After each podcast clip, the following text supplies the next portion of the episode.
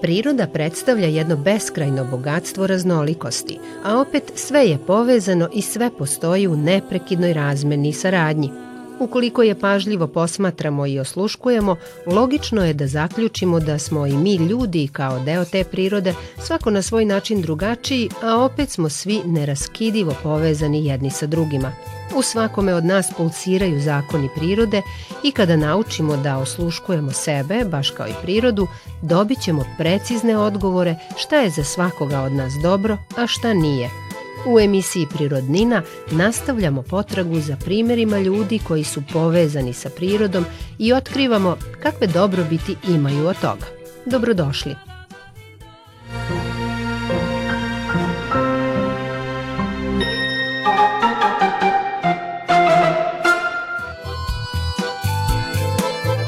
Eleonora Čapelja mama je jednog dečaka, zaljubljenik je u prirodu, a zaposlena je kao naučna saradnica na Departmanu za biologiju Prirodno-matematičkog fakulteta u Novom Sadu.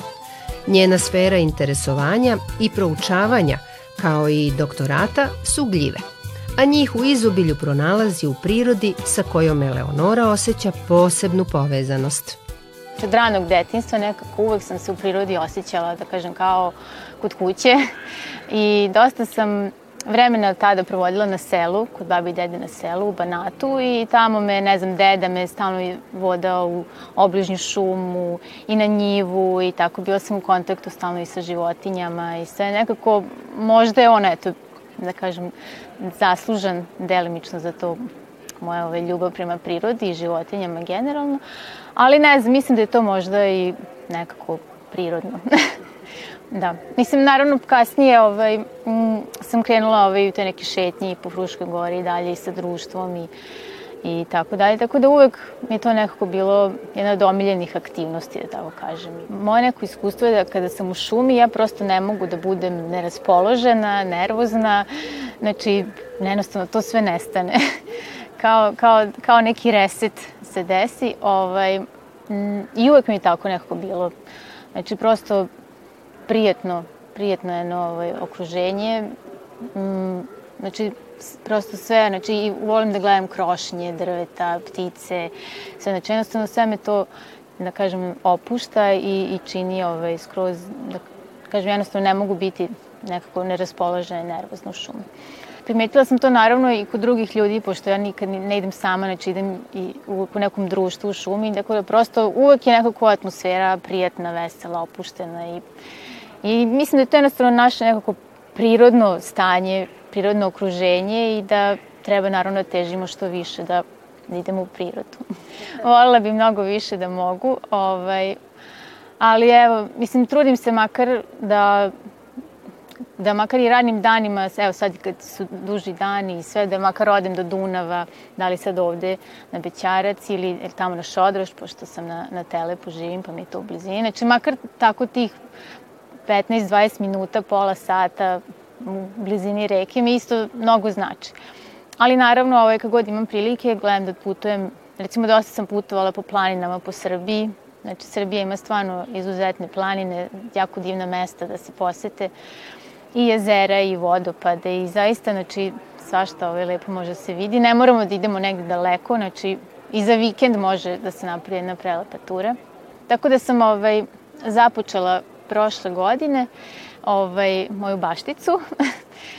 Trenutno je to na selu o, kod mog tate, ali sad nadam se, znači gledam nekako u budućnosti da i ja ovaj, imam neku svoju bašticu tu na Fruškoj gori, da mogu malo više da se posvetim tome, jer i pored, kažem, same šetnje u prirodi i borak u prirodi i taj neki rad sa zemljom, ovaj, isto, je, isto ima neku, neki terapeutski ovaj, učinak na, na mene, a i naravno korisno je naravno posle dobijemo neke plodove koje ovaj, možemo da pojedemo i već iskoristimo nekako.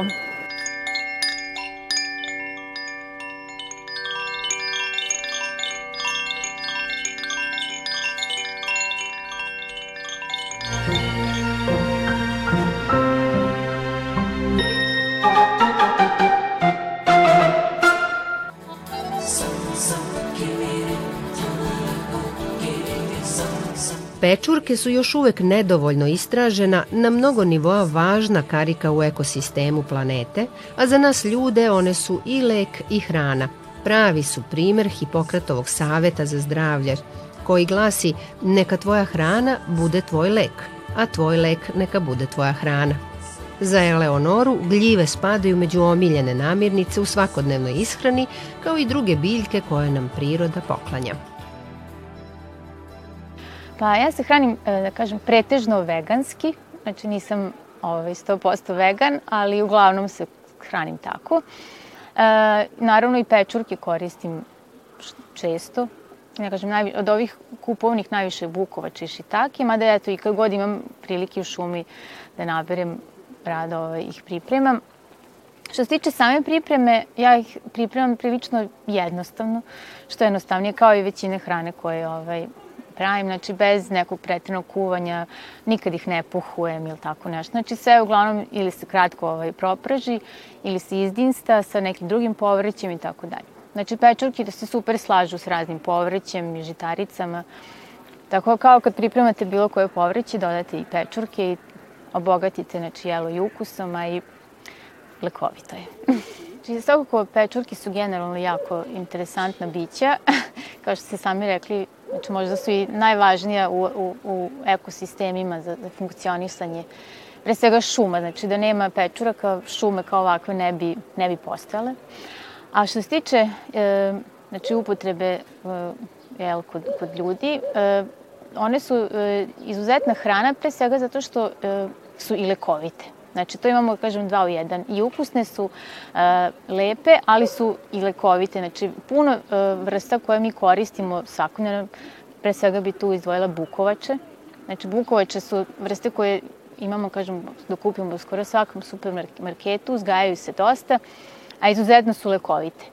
Tako da, ovaj, recimo, to preporučujem svima uvek i Takođe u, u, u uzgajanju bukovača se e, ne koriste nikakve hemikalije kao recimo kod šampinjona koje se često tretiraju, tako da bukovače su onako broj jedan. Ali m, naravno ima tu i mnogo drugih vrsta i šitake, recimo one su isto dosta lekovite, tih koje konzumiramo, da kažem, često. Naravno, izdvojila bi tu i divlje vrste, kojih stvarno ima jako puno jestivih. Međutim, to naravno za, za tu avanturu treba ipak da se bolje edukujete, pripremite, znači to najbolje da se ljudi učlane u gljivarsko društvo ili da se druže s nekim ko, ko ovaj, je siguran u to, ovaj, da bi izbjegli ta neka potencijalna trovanja. Sa gljivama treba zaista biti jako obazriv. Nikad nije dovoljno ovaj, obazrivosti što se tiče gljiva kažem, naj, najbolji način je da se ljudi koga, koga to interese uče na neko gljivarsko društvo, pa polako. Znači, pet vrsta godišnje naučite pet, to ste sigurni, sledeće godine još pet i tako. Tako da ovaj, na, na kraju ćete steći neko znanje i biti sigurni u to ovaj, što jedete.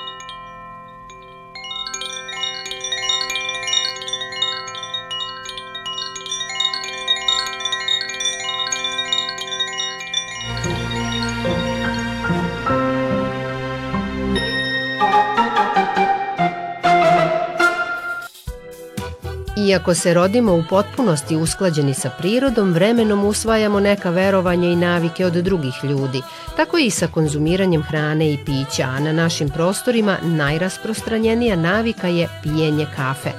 Redki su oni među nama koji su odoleli porivu da budu kao i svi drugi, te da postanu kafaroši, u početku zbog drugih, a vremenom zbog navike. I Eleonora je dugo gajila tu naviku, ali je uspela da je prevaziđe, pre svega pažljivo osluškujući svoj organizam. Pa ja sam bila veliki kafaroš.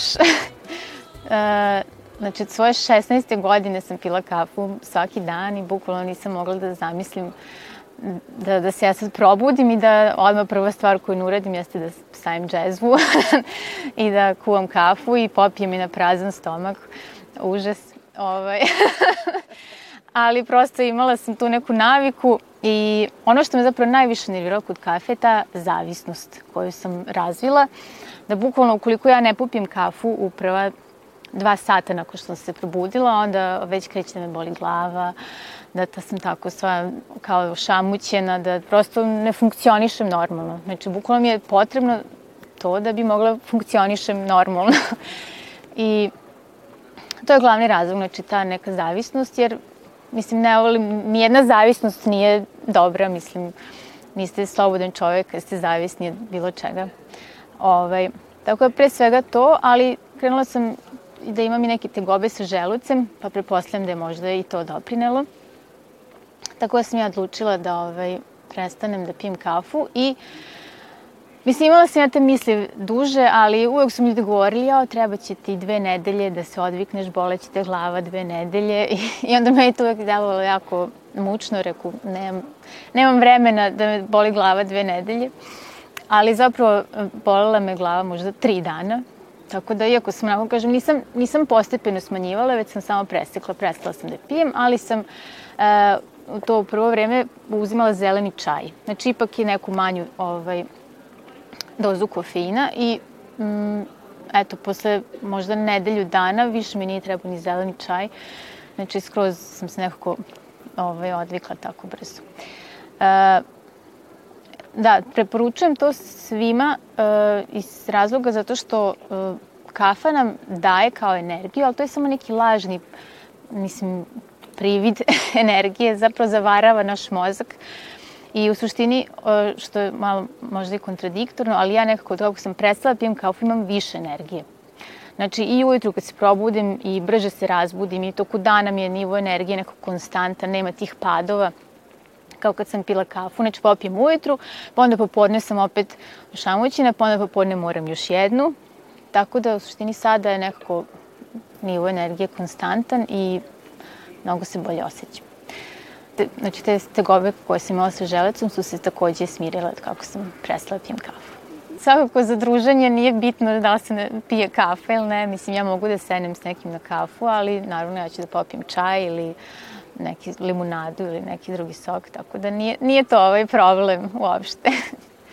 Mislim, eto, kažem, ja sam se plašila jer su mi drugi ljudi govorili da će mi trebati puno vremena da se odviknem, ali eto, probala sam i za pet dana sam već, da kažem, bila ovaj, normalna, odviknuta, ovaj, ali znači, treba prosto probati i mislim, ne samo za kafu, već za bilo šta, mislim, uvek se treba, kad imate neku želju za neš, nečim, znači treba samo probati.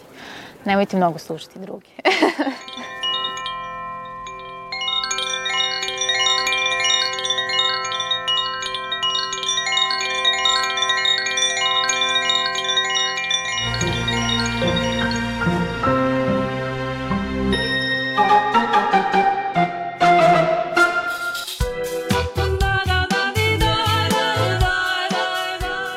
smo više povezani sa prirodom, to bolje razumemo i našu ljudsku prirodu.